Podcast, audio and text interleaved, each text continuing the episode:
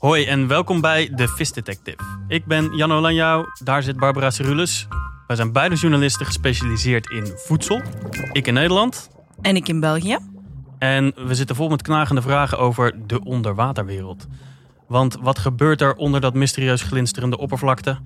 Kan je dieren die niet boven hoeven te komen om te ademen wel vertrouwen? En bovenal kan je ze ook eten. Oh, en eh, daar zit Anne van Dag en Nacht Media. Hallo. De knoppen. Hallo. Hallo.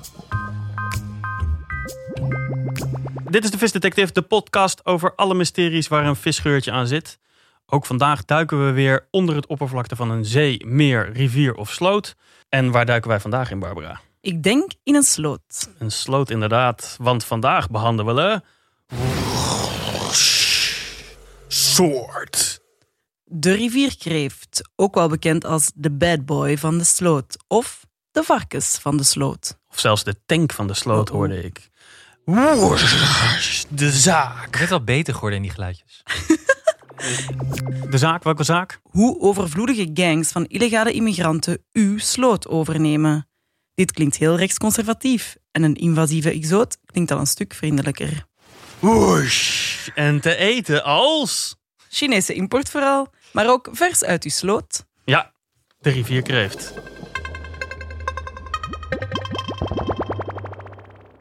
Zeg Janno, meestal zitten we hier met het probleem dat er van een bepaalde soort te weinig zijn, maar nu zijn er eigenlijk te veel. We zitten met een plaag van rivierkreeften. Ja, maar dit is wel afhankelijk aan wie je het vraagt.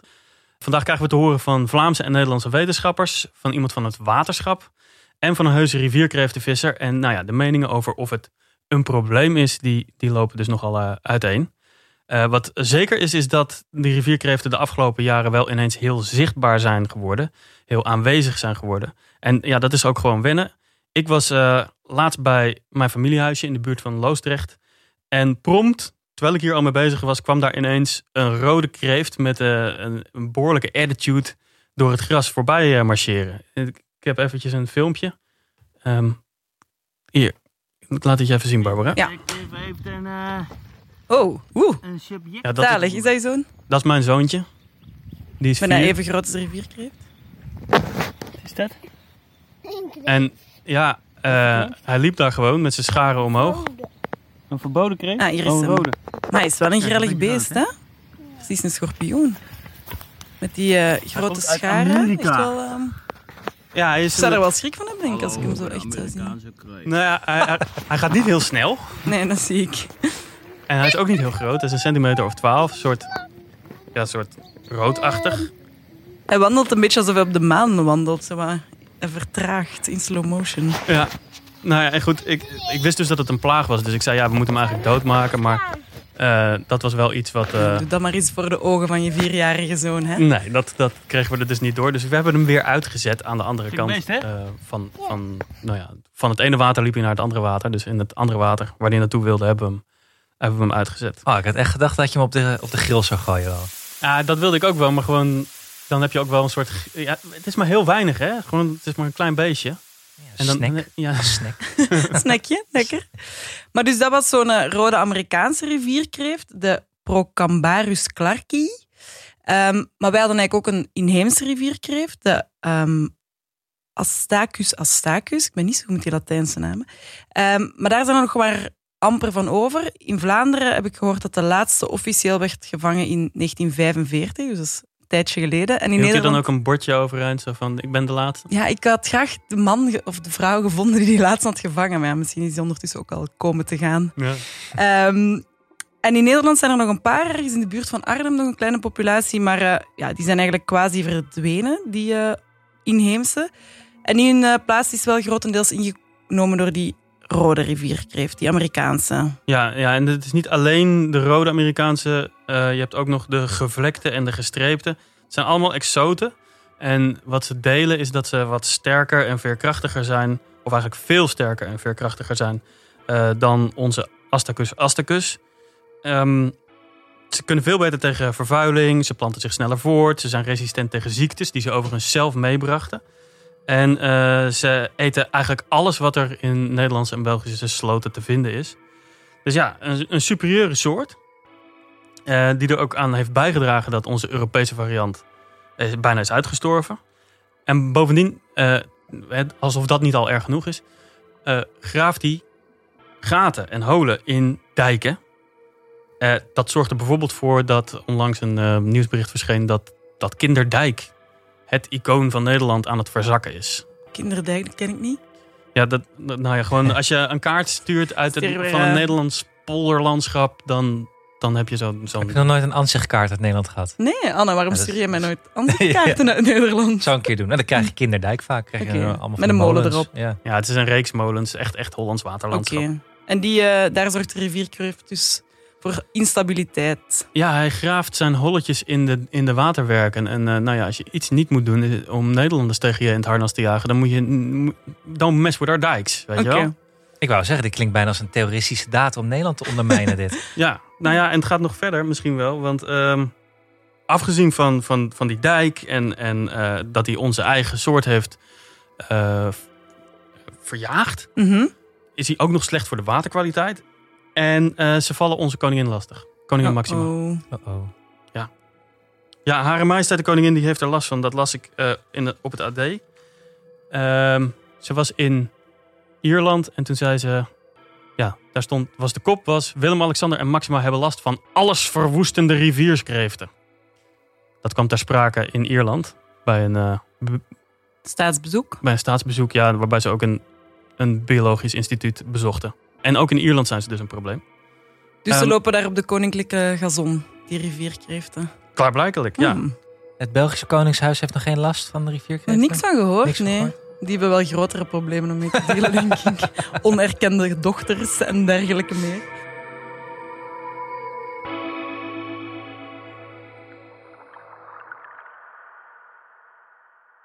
Maar dus die rivierkreeft alles verwoestend. Ja. En, Jano, ik heb een weetje dat je echt leuk gaat vinden. Ze kunnen zichzelf klonen. Ja, no way. Dat is echt bizar. Ja, dat heb ik ontdekt eh, door een artikel in de New York Times. Eh, er is een Duitse wetenschapper die zijn leven heeft gewijd aan eh, de mutant crayfish. En Mutant crayfish! Goed, hè? En de titel van het artikel was This mutant crayfish clones itself and it's taking over Europe. Vond ik best sensationeel. Er is, is dus een gemuteerd gen in één rivierkreeft ontstaan, 25 jaar geleden. Een spontaan accidentje in een aquarium. Dat was een, In een aquarium. in een aquarium. Oké. Dat was een vrouwtje. Ja. En ineens kon dat vrouwtje zich voortplanten zonder dat er mannetjes nodig waren. No het way. patriarchaat wordt omvergeworpen door de Dit rivierkreeft, de, jongens. dit is de natte droom van elke Vrouw? hardcore feminist. Mhm, Elke vrouw. Eh, dus die, eh, die rivierkreeft kan zichzelf voortplanten. Ehm, Maar wacht even, omdat het bij één kon, kan het nu bij allemaal. ja, dus dat is een... eh, wacht. Al uw vragen gaan worden beantwoord door Pieter Boets. Dat is een eh, wetenschapper van de Universiteit van Gent. Die is onderzoeker aquatische ecologie. En die is gedoctoreerd op het onderwerp van de rivierkreeft. En hij gaat ons vertellen over deze waanzinnige speling van de natuur. Pieter Boets. En ik zag hem in Gent, waar hij ehm, onderzoek doet naar onderwaterleven. En we zaten gezellig samen op corona-afstand van elkaar in de refter. Een refter is dus geen woord dat jullie kennen. Jan Nee. Refter Kantine. Kantine? in de kantine. De Mensa.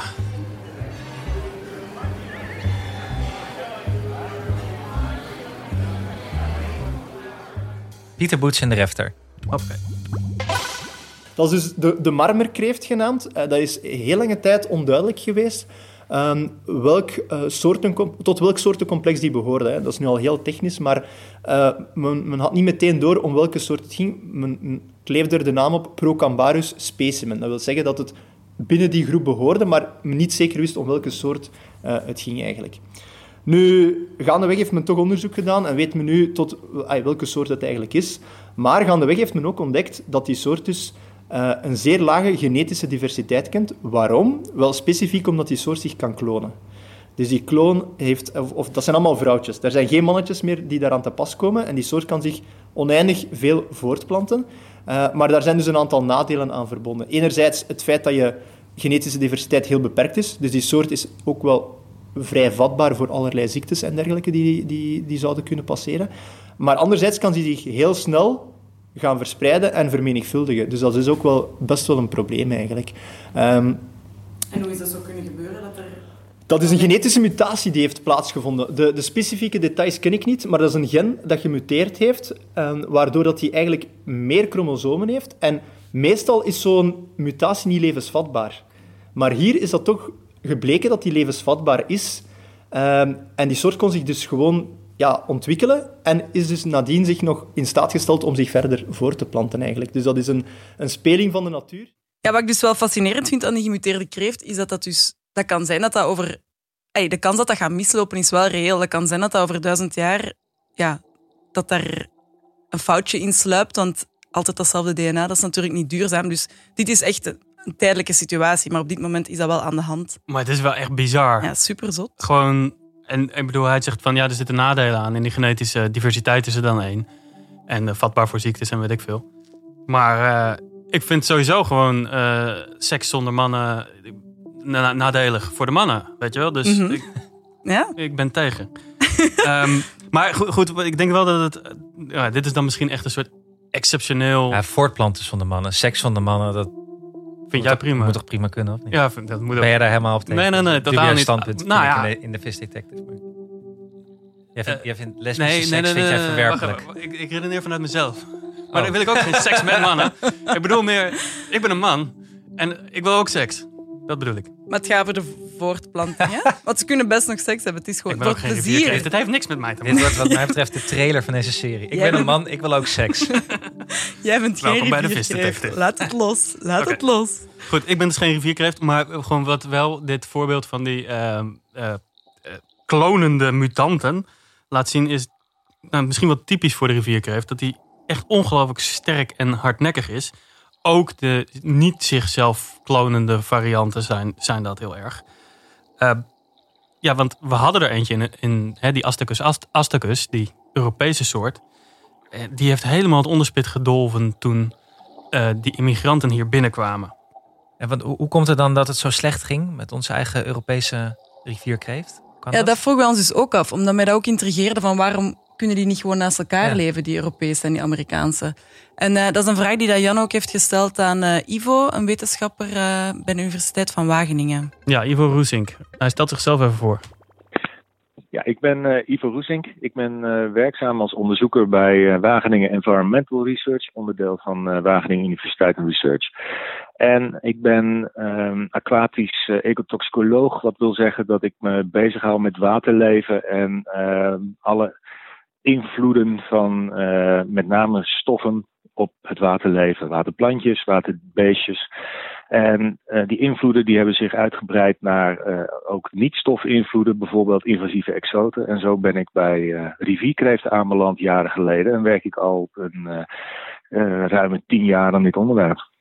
En hij zei het volgende over waarom het al slecht ging met onze eigen Astacus astacus. Onze eigen rivierkreeft. Ehm, daar ging het al heel lang heel slecht mee. Eh, dat heeft ermee te maken dat wij natuurlijk een hele hoop waterwegen hebben eh, veranderd, gekanaliseerd. En waardoor er eh, geen goede plekken meer voor die beestjes waren.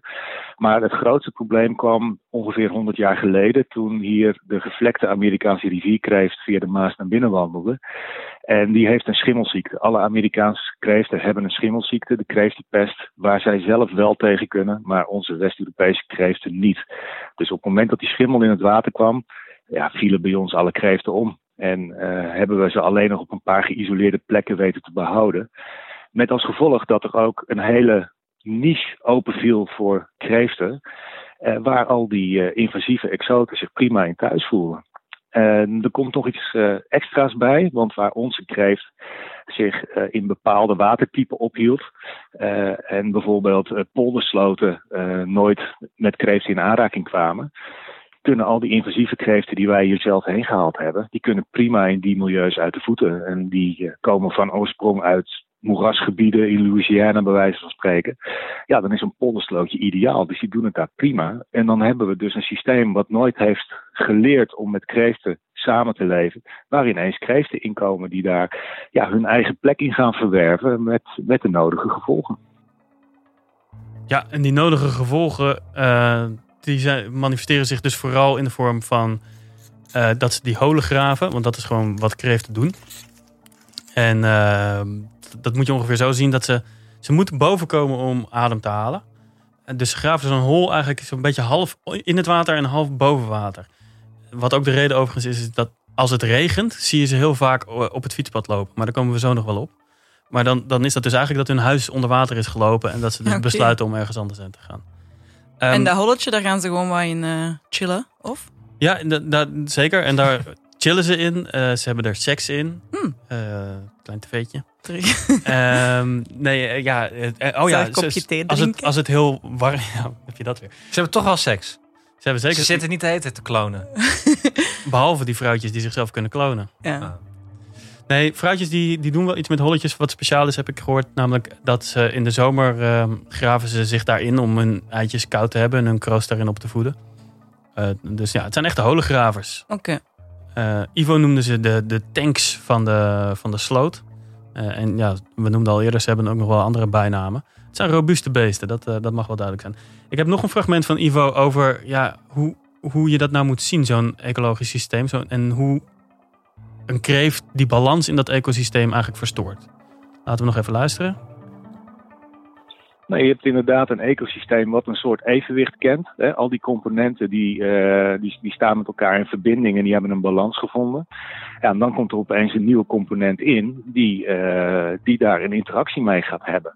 Heel vaak zie je dat zo'n component geen voet aan de grond krijgt, omdat zo'n bestaanssysteem heel robuust is en dat die interacties heel sterk zijn en dat zo'n nieuwe soort zich niet kan, eh, kan invechten daarin. En dan heb je het eigenlijk over, ja, we hebben een exoot. En die is er, die zit er een beetje marginaal bij, maar die krijgt geen voet aan de grond. Hm. Die kreeft daarentegen, dat is eh, ja, de tank van het onderwaterleven, om het zo maar te zeggen. Eh, die vecht zich moeiteloos in zo'n systeem in. Op het moment dat daar geen natuurlijke vijanden zijn die hem meteen aanpakken, dan eh, vindt hij een plekje. Omdat het een beest is wat eh, voor consumptie is gehaald, geeft het al een beetje weer dat hij zich heel makkelijk voortplant. Hè. Een, eh, een vrouwtje kan rustig 400 nakomelingen eh, per worp afleveren. En eh, dan ook nog een keer, twee keer per jaar, of zelfs als ze geboren worden in hetzelfde jaar, weer meedoen met de voortplanting. Dus je kan je voorstellen dat zo'n beest, als hij eenmaal voet aan de grond krijgt, zich ook verschrikkelijk snel vermeerdert. En wat doet hij dan? Ja, dan gaat hij ruimte maken in dat systeem voor zijn eigen eh, plekje. En eh, omdat kreeften zo flexibel zijn, kunnen ze waterplanten eten. Ze kunnen amfibieën en kleine eh vissenlarfjes eten. Ze kunnen kleine macro-invertebraten, van die waterbeestjes, kunnen ze eten.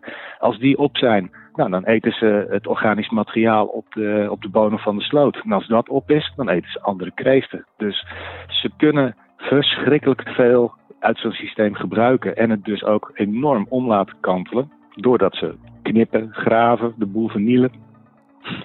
En dat is in een, eh, ja, in een eh, moeras in Louisiana, waar je eh, wasberen hebt, alligators, bijtschildpadden, noem maar op, allemaal beesten die op die kreeften plederen, eh, is dat misschien niet zo'n groot probleem. Maar in Nederland hebben wij gewoon geen beesten in die systemen gehad die dachten van hé, hey, die kreeft die lust ik wel. Ja, want wij hebben natuurlijk wel otters, maar dat zijn er ook niet zoveel. En die houden die kreeftenpopulatie ook niet onder de duim. Eh, wat je wel ziet, is dat er nu steeds meer beesten leren dat je die kreeften kan eten. Reigers, meerkoeten, futen, eh, die eh, weten daar weg mee. Maar ja, die zijn nog niet zo ver. Nee. Dus die moeten we trainen en opvoeden. En Ja. meer otters, heb ik begrepen. Ja, Otters, belangrijk. hij zei otters, maar ik wist überhaupt niet dat wij otters hadden. Maar we schijnen dus otters te hebben. Meer otters hebben we nodig. Meer otters. Eh, Maar ja, die rivierkreeften zijn dus een soort van agressieve Zwitserse zakmessen met donkere bedoelingen eigenlijk. Ja, nou, de tank van de sloot. Graven, knippen, bulldozeren. Eh, ja, donkere bedoelingen. Zo, dat beeld ontstaat in ieder geval wel, hè? Ik begin wel te snappen eh, waarom dat ze inderdaad niet populair zijn eigenlijk. Nee. Ehm, ja, maar wat ik me wel afvroeg, in België, even opgezocht, eh, eten we zo'n 300 ton rivierkreeftstaartjes dan per jaar. Ehm, en die komen vooral uit China, daar worden die gekweekt. En ehm, ook wel opgevist. En soms ook uit Spanje, maar die zijn iets duurder natuurlijk. Ja, en in Nederland heb ik geen cijfers gevonden, maar dat zal wel nog veel meer zijn.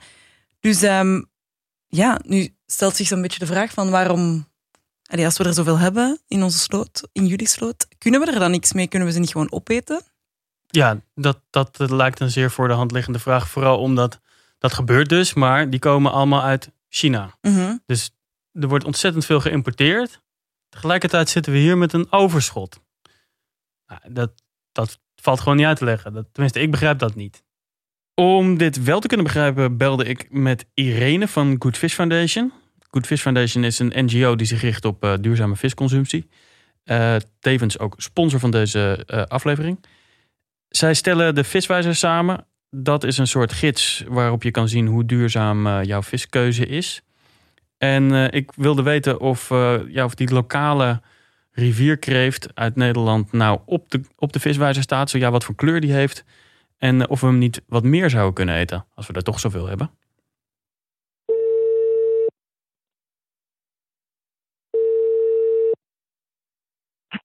Hallo Irene. Hey Irene, met Janno, de visdetective weer. Hey Janne. Hallo. Hey, ehm, weer eventjes een eh, nieuwe visvraag. Ehm, vorige keer belde ik met de paling. Die konden we beter niet eten, want daar waren er Mhm. heel weinig van. Maar nu zijn we bezig Ja. met rivierkreeften. En ja. Ja. daar zijn er vet veel van. Dus die zouden we wel moeten eten, toch? Klopt, er zijn eh, ontzettend veel rivierkreeften. Eh het worden ook alleen maar meer. en ze zitten inmiddels in het hele land. Ja. En eh, ja, wij vinden dat we die beter kunnen eten in Nederland. Maar, maar heel eventjes dan de kleur op de viswijzer. Eh, Hebben ze een kleur op een viswijzer? Of, of zijn ze zo, nou ja, toch nog niet, zeg maar, dat het normaal is dat ze gevangen worden, dat ze überhaupt een, een kleur hebben op de viswijzer? Of heb je, heb je al een echt een, een gekeurde Nederlandse rivierkreeftenvangst? Ja, de rivierkreeften uit Nederland die staan op de. Die Ja? staan in het groen. Ja? Ehm, en wij Hé Mariano, als het op groen staat en we willen minder rivierkreeften in onze sloten, waarom, waarom vangen we dan zelf niet meer van die, van die beesten in Nederland? Ja, dat is dus de grote vraag. Maar ehm, volgens het onderzoek van Good Fish Foundation is de beroepsvisserij eigenlijk de enige concrete oplossing die op dit moment er is om, om dat, dat, die plaag in te dammen. Ja. Ehm, er moet nog meer onderzoek gebeuren, dat is wel duidelijk. Want je, je wil weten wat het effect is van zo'n beroepsvisserij op zo'n plaag en ook op de rest van het ecosysteem, et cetera. Je wil dat het echt duurzaam is. Maar het lijkt erop dat het gewoon ja, heel, heel goed zou moeten kunnen. Ehm, een van de belangrijkste redenen waarom het nu nog niet gebeurt, is eigenlijk ook dat de handel met China gewoon staat als een huis. Er is een eh, vraag, maar die wordt vervuld door, nou ja, door, door import. Dus eh, daar moet je als, eh, als Nederlandse visser dan tegenop gaan boksen. En dat, ja, dan heb je wel wat steun nodig. En eh, ja, dat is lastig op dit moment. Irene zei er ook nog het volgende over. wij zien eigenlijk alleen maar een win-win situatie. Dat je van de ene kant een beroepsvisser kan laten zitten, daar een boterham mee kan laten verdienen. Die dus ook een lokaal gevangen, duurzaam gevangen product op de markt brengt. Ehm, wat ook nog eens bijdraagt aan het indammen van die plaag. plaag. Ehm, Ja, het, het lijkt een no-brainer. Waarom, waarom gebeurt het dan niet nog wat sneller? Eh, ja, dat heeft ja, allerlei oorzaken, maar voornamelijk omdat nog niet iedereen ja, de beroepsvisserij op rivierkreeften omarmt. Hm. Ehm, er is niet heel veel over bekend van wat het effect is van die beroepsvisserij. Zowel op die plaag, van helpt het wel echt, maar ook op andere dieren in het ecosysteem, bijvoorbeeld eh, of er veel bijvangst is of niet. Ja, nee, ik, Ja. eh, ik denk dat ik hiermee eventjes weer terug naar de studio ga, naar eh, Anne en Barbara. En dan bel ik je volgende keer weer. is goed. Oké. Hey, dankjewel. Oké. Doeg. Ja, hier.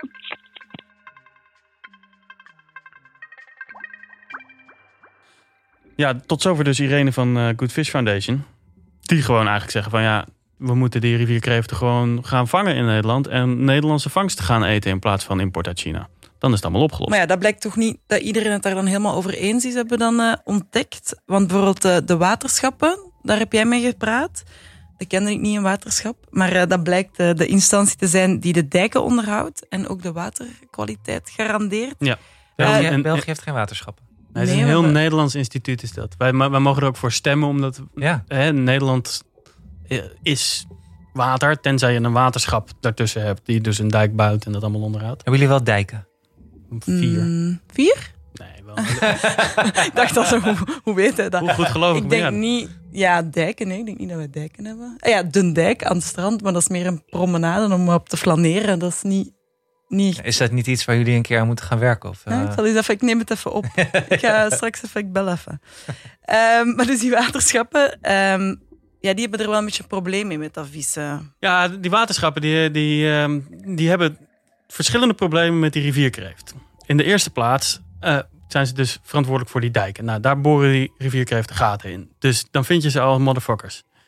Motherfuckers. Ehm, ten tweede eh vernachelen ze dus de waterkwaliteit. Tenminste, dat is de claim van de waterschappen. Die zeggen van ja, wij, wij, wij proberen daar wat aan te doen.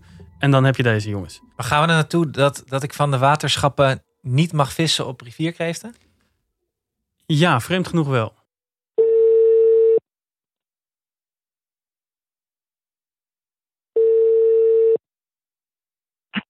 Waterschap met Flora.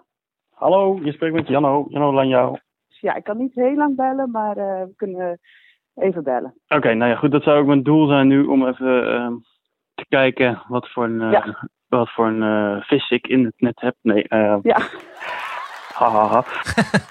Ja. nou kan niet. Ging heel goed tussen mij en haar. Ja, En- toen en- deed je dit. Eh, Nee, maar Oh. daarna het telefoongesprek ging ook heel goed. Dus ik, ik geloof dat ik, eh, ik gelijk had. Hoezo kan dat niet? Knipper, knipper. Maar fijn. Zo bel ik dus gewoon wat, ze- wat heeft Flora jou verteld dan? Nou, ten eerste is het belangrijk om te beseffen dat in Friesland, waar zij dus zit, dat daar de rode Amerikaanse rivierkreeft nog niet is. En dat zeg ik met nadruk, want dat beest verspreidt zich zo razendsnel dat ze er echt al wel plannen voor aan het maken is voordat hij daar gaat zijn. En dat willen ze dus niet. Dus zij is belast, hè, Flora is belast met eh, invasieve exoten, invasieve soorten. Zij heeft al met succes de muskusrat eh, helpen uitbannen. Of voor, voor een groot deel, dat gaat steeds beter. En nu wil ze eigenlijk heel graag hetzelfde gaan doen met, Met die... een fluitje? Die hebben toch van die fluitjes? Is dat zo? Is dat? Kunnen eh, ratten Dat is toch met eh, de rattenvanger van Hamelen? Die heeft Ja, maar muskusratten zijn volgens mij meer een soort beverachtige eh, beesten. Ik weet Die niet reageren niet op een fluit? Nee, volgens mij is het sowieso jongens, sprookjes. dus, dat zijn wetenschappelijke er referenties. gewoon in. De, de rattenvanger van Hamelen. Ja, de rattenvanger van Hamelen. Nou, die hebben ze dus nog niet geprobeerd, maar ehm, nee, maar het lukt ze dus vrij aardig om, om muskusratten uit te bannen. En dat willen ze dus nu ook met rivierkreeften gaan doen. Nou, ik zei ook tegen Flora van, joh, hè, jullie hebben toch heel erg gemeenschappelijk belang met die vissers. Ehm, maar goed, dat, dat vond zij dus maar ten dele. En dat heeft alles te maken met het, het verschil tussen bestrijden en beheren. En daar heb ik weer een fragmentje van. Dat legt zij heel goed uit. Strijden en beheren. Ja, als waterschappen zien wij, eh, als wij eh, deze soorten willen, als we de problemen willen gaan voorkomen, zien we toch wel in dat wij eh, moeten gaan bestrijden. Ja. En natuurlijk, er lopen allerlei onderzoeken nog en dat wil ik ook echt wel duidelijk hebben. Van, eh, we weten ook echt niet hoe we dat moeten gaan doen. Eh, maar visserij, beroepsvisserij en wegvangen en oogsten, want dat is het natuurlijk eigenlijk. Als je ergens iets aan wil gaan verdienen, dan, dan zal je op een duur gaan oogsten en dan laat je het weer opkomen en dan ga je weer oogsten. Mhm. Ja, dat zien wij als een beheer, beheeroptie, maar dat is geen bestrijding van een probleem. wegvangen en oogsten. Dus dat is wat een visser wil. Die wil graag kreeften vangen, maar met mate. Dus er moeten er volgend jaar gewoon nog over zijn. En die moeten zich weer hebben voortgeplant, zodat je volgend jaar weer kan vissen. Ja. Dus, dus er zit een soort inherente duurzaamheid in het vissersbestaan. Wat trouwens opvallend is, hè? want je hoort vaak dus anders. Hm. Dat vissers eigenlijk op, op zoek zijn om, om voor hun collega de laatste van een soort weg te vangen. Maar eigenlijk zeggen die waterschappen van ja, dat is niet zo. En dat is nou net het probleem. Want wij willen ze allemaal weg. Gewoon niet dood.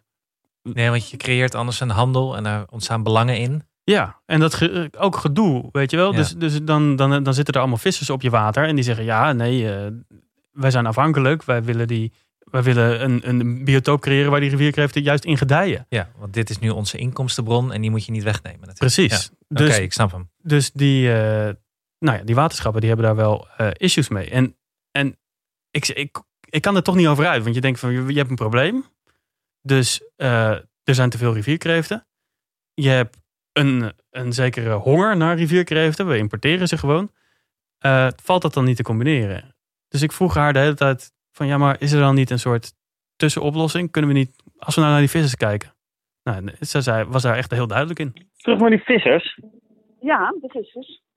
Zie, zie je dat nou zitten of eigenlijk helemaal niet? Eh, niet als. Nee, nee, ja, nee. Nee, ik zie meer eh, zitten in. En natuurlijk wel een samenwerking, maar wel met een andere insteek. Een andere insteek dan wat? Dan beheersen en oogsten. Ja. Ik zie meer een insteek dan richting bestrijden. Ja, dus en daar ben ik nog een beetje over doorgegaan. Kijk, ze, ze heeft nadrukkelijk wel de poort open naar die vissers. Dus ze wil echt wel met ze samenwerken. Maar gewoon, het is toch wel een beetje my way or the highway-achtig. Met als doel dat ze gewoon moeten doorvissen. Ook op het punt waar het eigenlijk economisch gezien niet meer rendabel is. Omdat ze er heel veel moeite in moeten steken om die laatste weg te vangen. Mm. En eh, ja, wat ik me dan wel afvraag is, wat vinden die vissers er zelf van? Want er zijn al vissers die dat op dit moment op rivierkreeften vissen. Hè? Er wordt elk jaar 30 ton rivierkreeft opgevist. Ja. Ik denk zowel door vissers die eigenlijk op iets anders vissen en dat als bijvangst ehm, in hun uh, fuiken krijgen, als echt kleinere vissers die heel gericht op die rivierkreeften vissen. Um, ja, hoe staan zij daar dan in? Ja, Ivo, uh, die wetenschapper uit Wageningen, die, die zei daarover dat hij nog wel uh, heel graag een duidelijker beeld zou hebben van hoeveel er precies in Nederland wordt gevangen. Um, maar je moet het zo zien, dat zijn kleine beroepsvissers. Dus je mag alleen maar op rivierkreeften vissen als je daar visrechten voor hebt. En uh, ja, dat, dat, dat, dat is een marginaal deel Mm. van wat het zou kunnen zijn. En dat heeft ermee te maken dat het eigenlijk verboden is. Hè? Dus jij en ik mogen niet op rivierkreeften uh, vissen. Ook met name om die verspreiding tegen te gaan. Een beetje een ingewikkeld verhaal. Maar goed, het, het, wat er dus op neerkomt is dat er een probleem is. Er zijn vissers, maar die worden eigenlijk ja, niet met open armen ontvangen door de waterschappen. En laten dat nou net de instanties zijn die hun ook voor een groot deel van vergunningen moeten voorzien. Dus dat is, daar zit een okay. kenniszinnen van hier tot ginder. Um, ik ben ook natuurlijk naar zo'n visser op zoek gegaan en ik heb er een gevonden. Een paar dagen geleden ben ik uh, op bezoek geweest bij Matthijs Maakop, een beroepsvisser die uh, vooral op rivierkreeften en andere schaaldieren vist. Ik uh, ontmoette hem in een polder nabij Hardingsveld. Dat is vlak boven de Biesbos. Ik ben Matthijs Maakop en ik ben beroepsvisser. En daarnaast ben ik handelaar in schaal- en schelpdieren. Wat voor schaal- en schelpdieren vooral? Rivierkreeften, wollandkrabben, Noordzeekrabben. Wollandkrabben ook nog? Noord... Wollandkrabben ook nog. Ah. Maar we staan nu bij? Uh, we staan nu op uh, de Molenweg in Giesenburg. In de Alblasserwaard geloof ik? Ja, dit is de Alblasserwaard. Met andere woorden, een polder. Polderwater, ja. Daar gaan we naar zoeken. En uh, inzoeken. dan gaan we inzoeken naar... Rivierkreeften. Ja. En hoe werkt dat dan, uh, Janne, zo'n polder? Want ja, in België zijn we er niet zo mee bekend. Is dat dan met een boot dat je daar doorvaart? Of, uh... Om eerlijk te zijn had ik diezelfde verwachting een beetje... dat we een, uh, een bootje zouden gaan varen. Maar ehm, hij stond met een busje gewoon op een dijk. Ja, die, die is een prachtige oude polder, dus dat is super mooi. Maar hij stond daar met een busje, zijn hond op de bijrijdersstoel. En um, hij sprong gewoon over een boerenhek heen. En en ja, je, zag het helemaal niet, maar hij wist dan natuurlijk precies waar zijn korven en fuiken stonden, of ja, uitgezet waren. En dan onder dat kroos trok hij aan een touw en dan trok hij een, ja, een korf en een fuik. Daar zit dus een verschil tussen, dat wist ik ook niet. Maar die trok hij tevoorschijn en uh, ja, daar krielde het dan van de rivierkreeftjes in en soms een verdwaalde vis. Ja, zot, dus dat is een visser te voet, niet te boot. Ja, Ah, ja. Nou, ja en, en hij... Uh, hij doet dus ook wolhandkrabben en Noordzeekrabben. Dus ik bedoel, hij, hij handelt er ook echt in. Maar dit is dan zijn eigen vangst. Uh, ja, die haalde die, uh, hij selecteerde de grote beesten eruit. Die stopte hij in een grote doos, plastic doos, achter in zijn auto. En daar haalt hij zo'n 300 kilo per week uit Nederlandse sloten. Okay. Ik stel nu allemaal voor dat jij daar helemaal naartoe was gegaan in zo'n groot ja, groen zo visserspak en zo. Met allemaal uitrusting. Ja, dan zit er op de zee. ja. En gewoon zijn spijkerbroekje en zijn ja, het was, dat, dat was min of meer, nou, in ieder geval in mijn verwachting. Ik had geen rare outfit aan. Maar uh, in, mijn, in mijn verwachting was het wel zo van, ja, uh, daar gaan we heen. Ja, goed.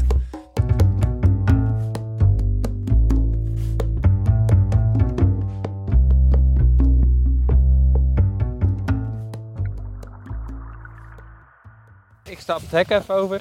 En dan, uh, dan kom ik met de korf deze kant op. Blijf ik hier? Ja, is goed. Mag ik niet mee? Ja, Van mij mag je mee. Nou, kom ik eraan.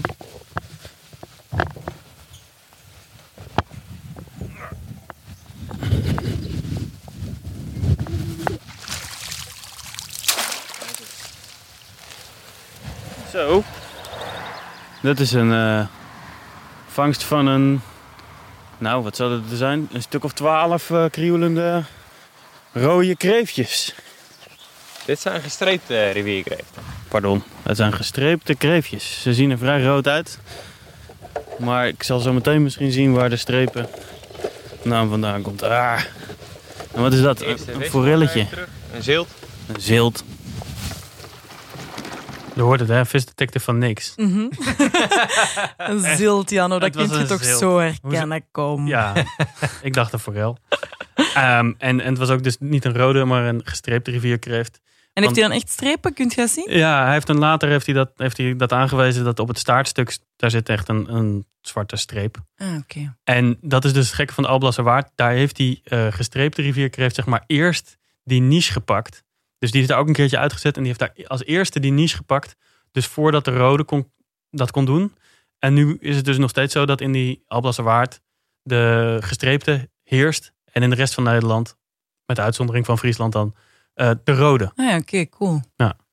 Dus Wat, wat levert één zo'n beest op? Als je die, als, hij verkoopt ze, neem ik aan, toch? Zeker. Ja. Ja. hij verkoopt ze aan de horeca en aan groothandels.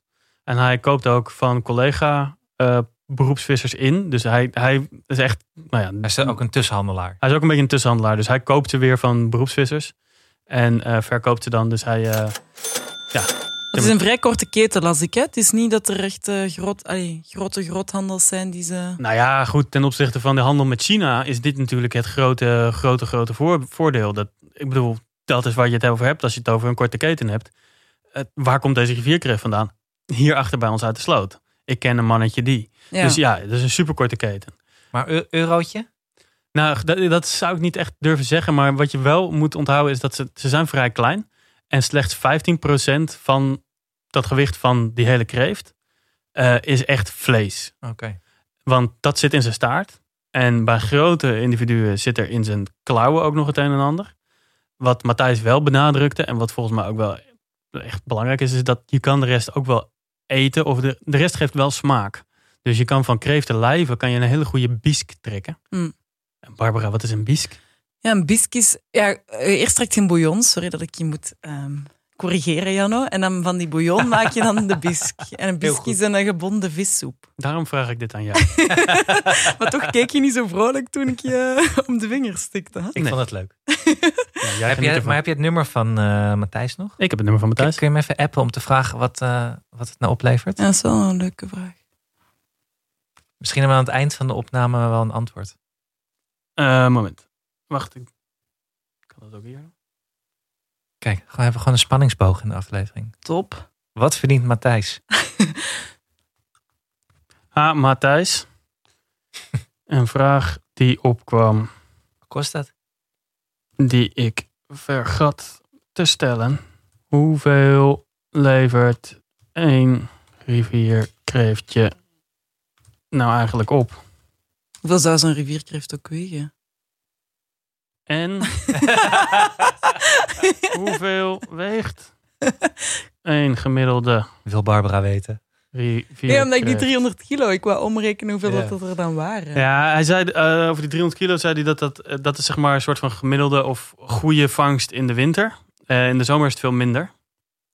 Eh, er zijn dus wel degelijk ook seizoenen bij die beesten. Hoe komt dat er in de zomer minder zijn? Nou, dat weet ik niet precies. Maar gewoon met name is dat ze soms meer aan de wandel gaan. En in de, in de zomer kruipen ze vaak in die In de modder. holletjes. Ja, om cool, om cool te blijven. Ah ja, oké. Dus ik, ik denk niet dat het er echt minder zijn... als wel dat ze gewoon eh, Meer op wandel, eh, meer buiten actiever komen. zijn. Ja. Maar gedijen ze ook expliciet goed in de polders? Ja, ja, bij uitstek. Nou, en dat is ook nog wel iets wat, wat Ivo noemde. Van dat het komt ook doordat we... We zijn Eh, echt een geschikt land voor dit beest. Ja, maar we zijn het ook geworden. Want na de Tweede Wereldoorlog eh, is er een eh, groot intensiveringsplan geweest voor de landbouw. En dan denk je, wat heeft dat er nou weer mee te maken? Nou, toen is er heel veel ruilverkaveling plaatsgevonden. Dat wil zeggen dat het land efficiënter werd ingericht. En daarbij ehm, zijn ook slootkanten En ja, wat vroeger dan heel wilderig was, heel verwilderd ook. Dat stond vol met riet en, en gewoon struiken en alles. Dat is allemaal aangeharkt en strakker gemaakt. Zodat je ook die, die hoeken en, en randen van die erven eh, veel beter kon beplanten met voedselgewassen. Dus daar krijg je dat hele strakke Nederlandse polderlandschap. Nou, dat leverde heel, veel voedsel op. Eh, industriële landbouw, in feite. Maar eh, dat heeft ook de biodiversiteit bijzonder beïnvloed. En dat maakt dat die, die waterkanten veel aantrekkelijker zijn voor rivierkreeften. Want die houden eigenlijk van een hele strakke, rechte kant, zoals een dijk. Mm. En die houden eigenlijk niet zo van een waterkant die soort van plasdras. Ze willen gewoon ergens goed een Ja. gat in kunnen graven. En er Dus als zitten je misschien dan ook meer predatoren in zo'n wilde waterkant dan in zo'n strakke. Zodat ze Allicht. snel- Maar goed, die predatoren die moesten volgens Ivo dus nog überhaupt Ja, leren, moesten nog leren, eten. ja. En dat begint nu wel te komen. Daarover zei Matthijs, dus was daar heel stellig over. Die zei, ja, die rivierkreeften, jullie kunnen ze wel allemaal zwart maken. Maar eh, die zijn hartstikke belangrijk voor het ecosysteem. Juist omdat die niche is gevallen. We hadden er een, die is weg. Dat is nu helemaal zo. Nou ja, dan is het best wel handig als er een nieuwe soort komt... die diezelfde rol vervult in het ecosysteem. Iedereen moet een beetje aanpassen. Maar uiteindelijk hartstikke goed. Wacht even, hij zegt dit. Maar ik dacht dat we er juist op het spoor waren dat het niet zo goed was. Iedereen zegt dat. Eh, wetenschappers zeggen daar aan de ene kant, aan de andere kant van. Hè. Die zijn daar genuanceerd over. Maar waterschappen zeggen, nou nee, dit zijn eikels, die rivierkreeften dan. Ja, die moeten weg. Die moeten weg. Eh, maar die vissers die zeggen natuurlijk, die moeten niet weg. En dat is ook precies waarom het waterschap niet met de vissers door een deur kan. Ja, ja. Ehm, maar die, hij heeft er ook wel goede argumenten voor. Want de, ja, goed, als er, als er iets bij Matthijs sprak uit hem, zeg maar uit hoe die was, was het wel een soort liefde voor wat er in die sloot gebeurde. Eh, lol om daar wat uit te halen en zijn boterham mee te verdienen. En natuurlijk zit daar een verstorend element dat hij inderdaad zijn boterham ermee moet verdienen. Maar het was ook wel oprecht. En hij, hij ziet ook wel wat er gebeurt in zo'n sloot. En hij ziet ook wel dat, nou ja, wat hij dan bijvoorbeeld beweerde is dat op het moment dat je ehm, dat, je, dat zij eigenlijk te veel rivierkreeften vangen en zien dat de stand terugloopt, dan zie je dat ook de visstand terugloopt. Met andere woorden zegt hij dat de jongen van die rivierkreeften voedsel zijn voor de vissen. En op het moment dat hij dus te veel vangt, dan hebben die eh, vissen ook minder te eten en zal je zien dat die stand terugloopt. Dus dat die toch wel echt al een plaatsje hebben verworven in ons ecosysteem. Ja, Ja. Dat die het, ja. dat exact. Maar is het, eh, want hoe zit dat dan in, in België? Zijn er dan ook echt minder rivierkreeften omdat dat land. ja, de grap is dus dat het natuurlijk... ah Ja, natuurlijk. vind ik dat natuurlijk... Er wordt in Vlaanderen niet gemonitord. Dus in Nederland is er door die waterschappen een, een monitoringssysteem. Die houden echt in de gaten van waar zitten ze, welke soorten, hoeveel. En in Vlaanderen is daar niet zo'n gesystematiseerd eh, monitoringssysteem. Dus we weten het eigenlijk niet. Maar eh, die Pieter die leidde af, omdat de situatie wel vrij gelijkaardig is, ook al hebben we veel minder water dan Nederland, dat we waarschijnlijk wel met dezelfde problematiek zitten. Ook al Ja. is dat niet... Is dat nog niet onderzocht. En dan heb ik nog wel meer van Matthijs. Want we gingen eigenlijk die sloten af. Echt in de buurt. Hij reed gewoon met het busje dan steeds een paar honderd meter verder. En dan reed hij naar een andere sloot. Bij een, een, ja, hij krijgt die visrechten ook omdat hij bij boeren vraagt om toestemming. Want het is eigenlijk het visrecht van de boer. Dus de boer zijn terrein.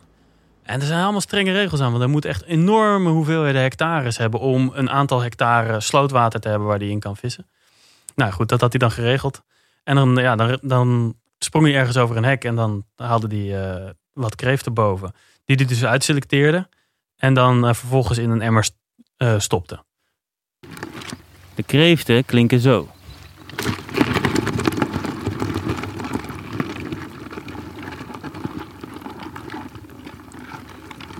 Ze hebben hele lange snorharen of voelsprieten eigenlijk. En ze kunnen wel zien, want als ik de microfoon erin doe, dan gaan ze helemaal bewegen. Dan voelen ze zich bedreigd, denk ik. En als ik hem er niet in doe, dan worden ze eigenlijk best rustig. Maar als ik hem erin doe, moet je horen.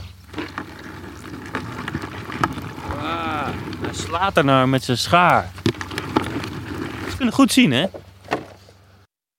Nou, daar had Matthijs nog het een en ander over te zeggen. Over eiwitten en zo, dat ze eigenlijk niet zo heel goed kunnen zien. Maar eh, ja, het, het zijn, het zijn inderdaad de tank van de sloot. Ik snap het ook wel een beetje.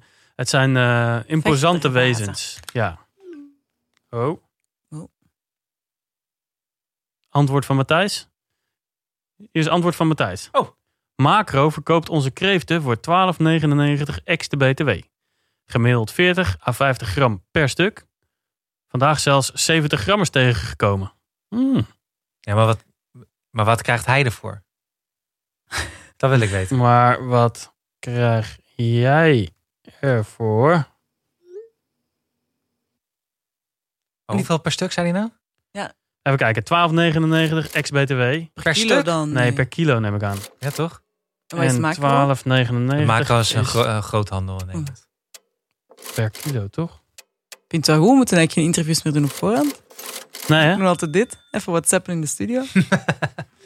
Eh, Matthijs Maakop zegt ja, inderdaad. eh 8 à 10 euro per kilo is de prijs voor tussenhandelaren. 12,50 voor particulieren.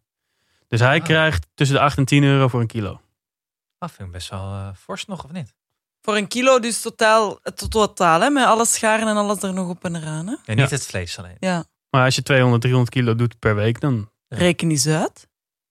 Nou kan ja, rekenen. eh, 200 keer 8, Ja. heb ik net gehoord. ja, of 10. Dat is nog makkelijker. Ah ja, dat is wel 210, makkelijk. ja, 2000 Kan ik euro. 2000 euro. 2000. De helft naar de belastingen dragen. Maar goed, het is toch, als je het elke, als je het de hele, ja. elke week doet, is niet slecht, toch? Nee, lijkt me ook niet. Maar er is dus ook, als ik het goed heb begrepen, meer vraag dan aanbod. Ja, dat zei eh, Matthijs zeker. Die, eh, die, zei, die, die was heel erg. eh verongelijkt is niet het juiste woord, maar hij vond wel dat we een gemiste kans hadden dat we er niet meer op gingen vissen. Hij zei dat dit, dit is in, in China en in de VS eh, worden deze kleine rivierkreeftjes echt bewust, doelbewust uitgezet om een rivierkreeftenindustrie op gang te brengen. Het is een zeer gewilde soort waar miljarden mee worden verdiend. En hij was eigenlijk van mening dat die hele eh, slechte reputatie die de rivierkreeft in Nederland heeft, dat dat eh, overtrokken was en eh, zwartmakerij en onderdeel van, nou, gewoon een lastercampagne. Sterven. Hier, moet je horen. Het, eh, het rode gevaar. Nou, als je het over de varken van de sloot hebt, dan moet je bij de karper en de brasem zijn. Die zijn net als een varken de bodem aan het omvroeten. En kreeft lopen over de bodem, die loopt daar niet in te vroeten. En Maar die graven wel de holletjes in de zijkant. Ja, die graven wel olietjes in, eh, in de slootkwal. En eh, ja, hij eet planten en hij eet dode vissen. Ik heb nog nooit een kreeft achter een levende vis aan zien rennen. Dus eh, die propaganda die kunnen we ook van tafel schuiven. En eh, ja, dat hij alle planten opeet, dat is ook de grootste onzin. In dit gebied is het waterschap twee keer in een jaar bezig om de waterplanten te maaien en eruit te scheppen.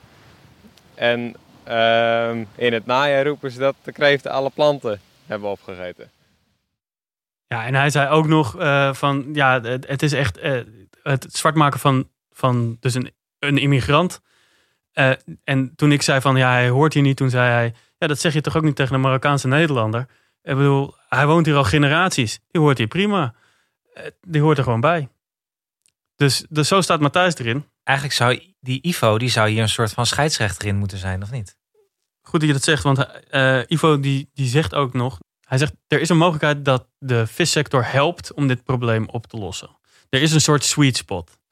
Die moet te vinden zijn met een beetje goede wil.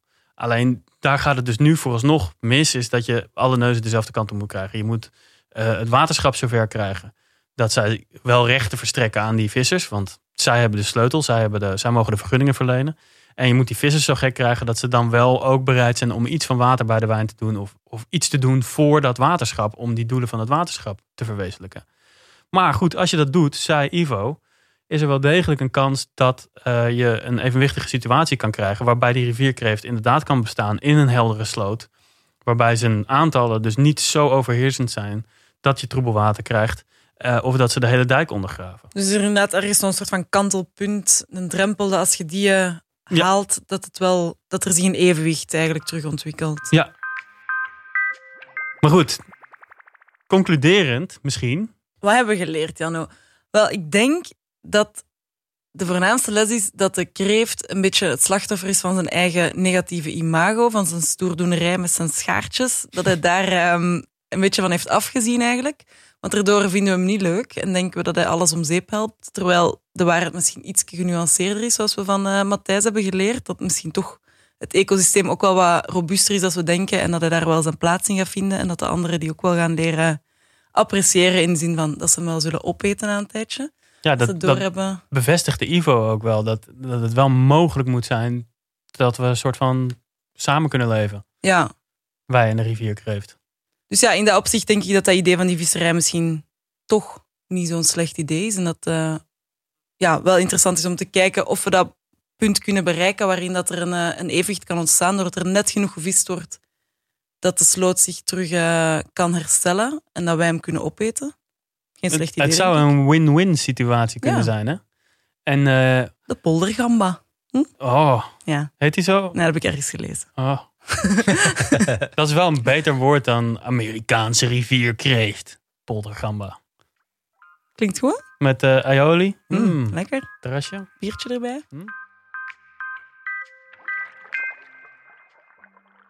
Wat ik meeneem uit dit alles is toch dat we, dat we meer otters nodig hebben. Fair enough. Ja. Ik ben niet tegen otters. Ik weet niet. Hoe zit het met de otters in België, weet je dat? Ik heb er nog nooit in gezien. er is wel een otter emoticon, dus ik vermoed dat ze er wel... ehm, Ja, dat is internationaal, dat is niet Belgisch. We hebben geen aparte Ik, ik wilde net zeggen. Er zijn ook ik was gewoon krokodillen denken- emoticons. Ja, dat is eh, waar. Dus ze moeten in België Dus- wonen. Dus we hebben vast wel een krokodil ergens. Ja, in een sloot.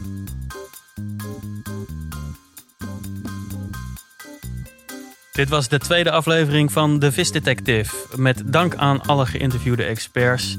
Eh, Matthijs Maakop, beroepsvisser. Ivo Roesink, onderzoeker en wetenschapper bij de Wageningen Universiteit. En Flora Rozenbrand van het Wetenskip Friesland. Vergeet Pieter Boets van de Universiteit van Gent niet. Dat zullen we niet doen. En ook met dank aan Koningin Maxima. Koningin Maxima, Barbara Cerulus, Anne Janssens. En Janno Lanjouw. Dat is Ja. moeilijk. Ik, Ik heb het vaker als ik, Ik- uw naam moet ik zeggen. ben niet de enige. Oh. Ik word altijd door telemarketeers gebeld die dan eh Lano Janjouw aan de lijn willen. Een soort van tongue twister, uw naam. I know. Janno Lanjouw. Yes, abonneer je op deze podcast via Spotify, iTunes of waar je ook je podcast krijgt.